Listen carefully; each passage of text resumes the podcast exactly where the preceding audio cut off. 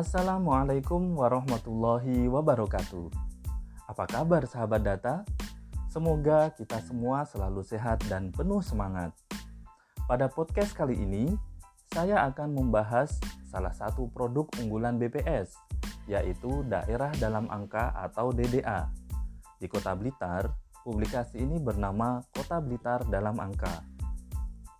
Publikasi DDA disusun berdasarkan Undang-Undang Nomor 6 tahun 1997 tentang statistik, khususnya pasal 10 mengenai kompilasi produk administrasi, dan juga Peraturan Pemerintah Republik Indonesia Nomor 51 Tahun 1999 tentang penyelenggaraan statistik.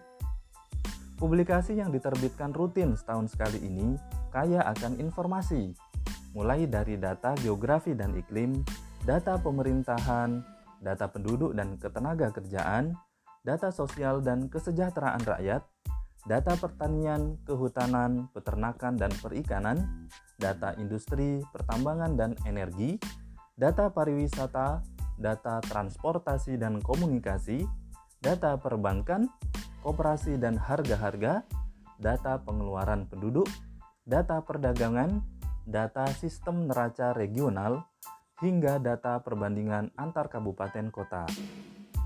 Publikasi ini ditampilkan menggunakan dua bahasa, yaitu bahasa Indonesia sebagai bahasa utama dan juga bahasa Inggris. Data yang disajikan pun merupakan data kompilasi yang berasal dari 39 instansi yang ada di Kota Blitar dan sekitarnya dengan periode data satu tahun sebelumnya. Artinya, jika publikasi ini terbit pada tahun 2022, maka data yang ditampilkan adalah data tahun 2021. Cakupan wilayah pengumpulan data dari Kota Blitar dalam angka ini hanya sebatas wilayah Kota Blitar saja dengan penyajian data hingga level kecamatan. Sahabat data, tujuan utama penyusunan DDA adalah untuk menyajikan data yang komprehensif, cepat, dan akurat dalam memenuhi berbagai kebutuhan pengguna data. Berdasarkan survei kebutuhan data yang dilakukan oleh BPS Kota Blitar, sebagian besar pengguna data DDA adalah organisasi perangkat daerah atau OPD untuk keperluan perumusan, perencanaan, pemantauan, dan evaluasi program kebijakan yang dilakukan oleh pemerintah daerah. Selain itu, publikasi ini juga banyak dimanfaatkan oleh kalangan akademisi untuk keperluan penelitian. Data yang dikumpulkan dalam publikasi ini tidak hanya berasal dari BPS saja, justru sebagian besar berasal dari data sekunder seperti pemerintah daerah, instansi vertikal, maupun BUMN.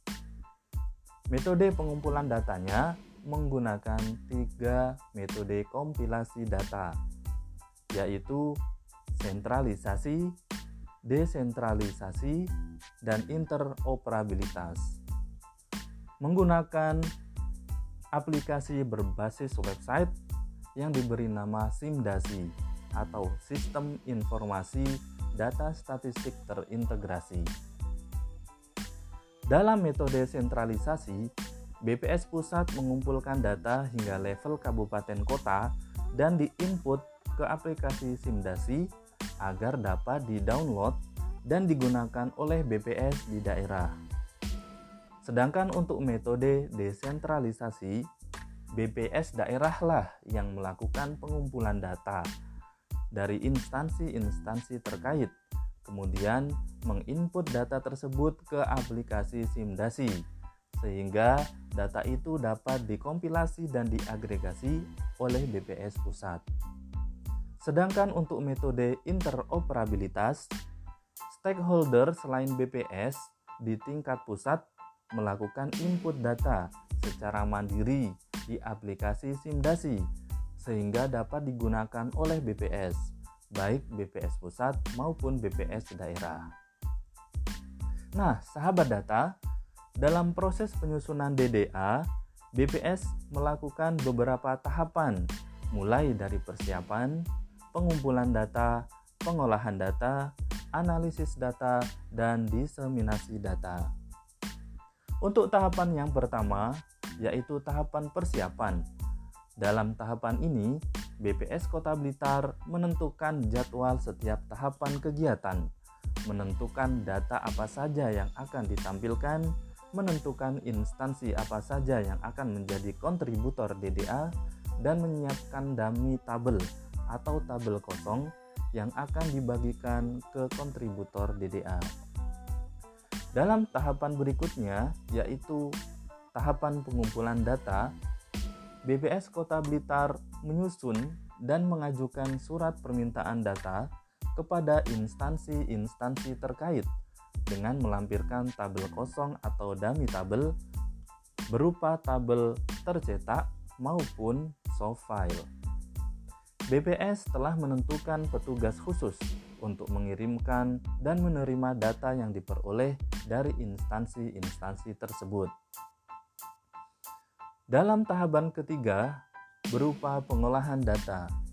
Data-data yang masuk selanjutnya dilakukan pemeriksaan prakomputer berupa beberapa pengecekan, seperti apakah ada data yang belum lengkap atau data yang tidak valid ataupun data yang tidak konsisten.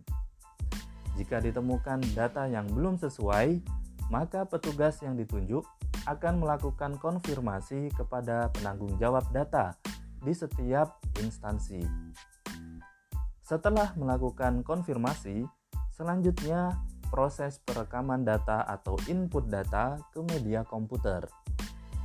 Untuk menjaga kualitas, kelengkapan, dan konsistensi data, BPS Kota Blitar melakukan proses pemeriksaan kembali dari data yang telah terekam melalui kegiatan Forum Group Discussion atau FGD kepada instansi-instansi terkait. Data hasil dari FGD akan digunakan kembali untuk merevisi dari input data yang sudah ada sebelumnya. Dalam tahapan ini, terdapat proses tabulasi. BPS sudah memberikan format baku bagaimana penyusunan tabel yang standar untuk publikasi DDA di seluruh Indonesia. Misalnya, dalam setiap tabel wajib dicantumkan sumber data dan catatan yang diperlukan. Format baku tersebut juga diterapkan dalam pembuatan cover, halaman judul, daftar isi, daftar tabel, daftar gambar, hingga penyusunan layout. Untuk proses layouting, direkomendasikan menggunakan aplikasi InDesign. Sahabat data, dalam tahapan keempat yaitu analisis data, BPS memilih analisis deskriptif dengan menjabarkan fenomena-fenomena yang terdapat dalam tabel dan grafik. Beberapa variabel akan dipilih dan ditampilkan dalam bentuk infografis sebagai pembatas antar babnya. Berikutnya adalah tahapan terakhir, yaitu diseminasi data. BPS Kota Blitar menyajikan hasil DDA dalam bentuk media cetak atau hard copy dan juga media elektronik atau soft copy. Untuk publikasi tercetak, sebagian akan dikirimkan ke BPS pusat dan yang lainnya akan disimpan di perpustakaan BPS Kota Blitar.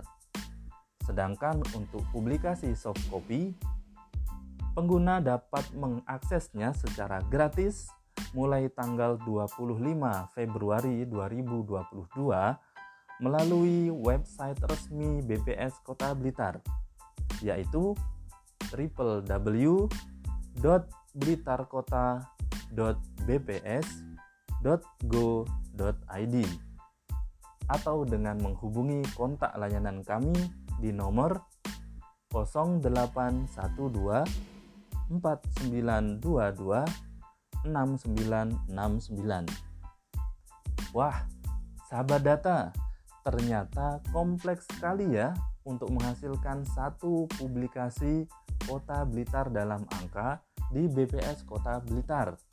So, yuk kita manfaatkan data-data yang telah disediakan dalam publikasi tersebut untuk kebaikan masyarakat, bangsa, dan negara tercinta kita.